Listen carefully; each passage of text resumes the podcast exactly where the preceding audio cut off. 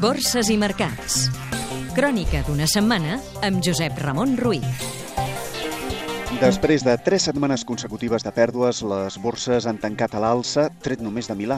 Pendents de la cimera europea, els inversors han optat majoritàriament per les compres enmig d'una Xina que s'ha vist obligada a tallar els rumors d'una crisi bancària i animats també per un lleu refredament de l'economia nord-americana que, lluny de castigar els mercats, els ha impulsat per l'esperança que la Reserva Federal mantingui els plans d'estímul a l'economia.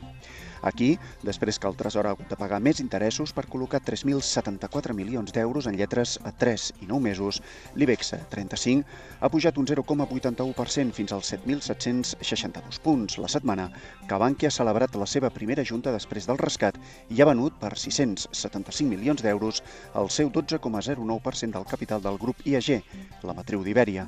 Des de l'1 de gener, la borsa espanyola, que ha tancat el semestre amb menys negociació des del 2004, ha acumula, però, uns números vermells d'un 4,96%. Cotitzades catalanes. CaixaBank. Ha venut per 654 milions d'euros, un 6,4% del grup inversor mexicà Inbursa. Miquel i Costes. El banc Mare Nostrum ha venut el 18% del capital de la paperera per 48 milions d'euros. La seda de Barcelona. El grup químic, que es vendrà a les plantes del Prat i Tarragona, ha tancat un acord amb la banca creditora per refinançar el crèdit sindicat de 235 milions. Vueling. El 99,6% de la Junta d'Accionistes de l'aerolínia ha aprovat l'exclusió de les accions de la borsa. Societat Anònima DAM. El grup Cerveser abonarà el pròxim 5 de juliol 6 cèntims d'euro bruts a càrrec dels beneficis del 2012.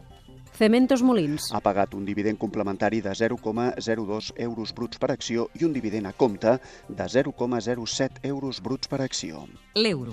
La moneda única s'ha depreciat davant del bitllet verd nord-americà.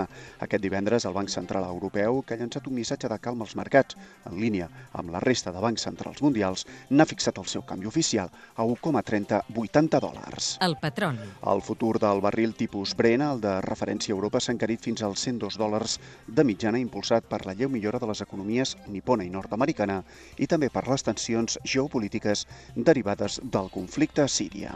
Vocabulari financer.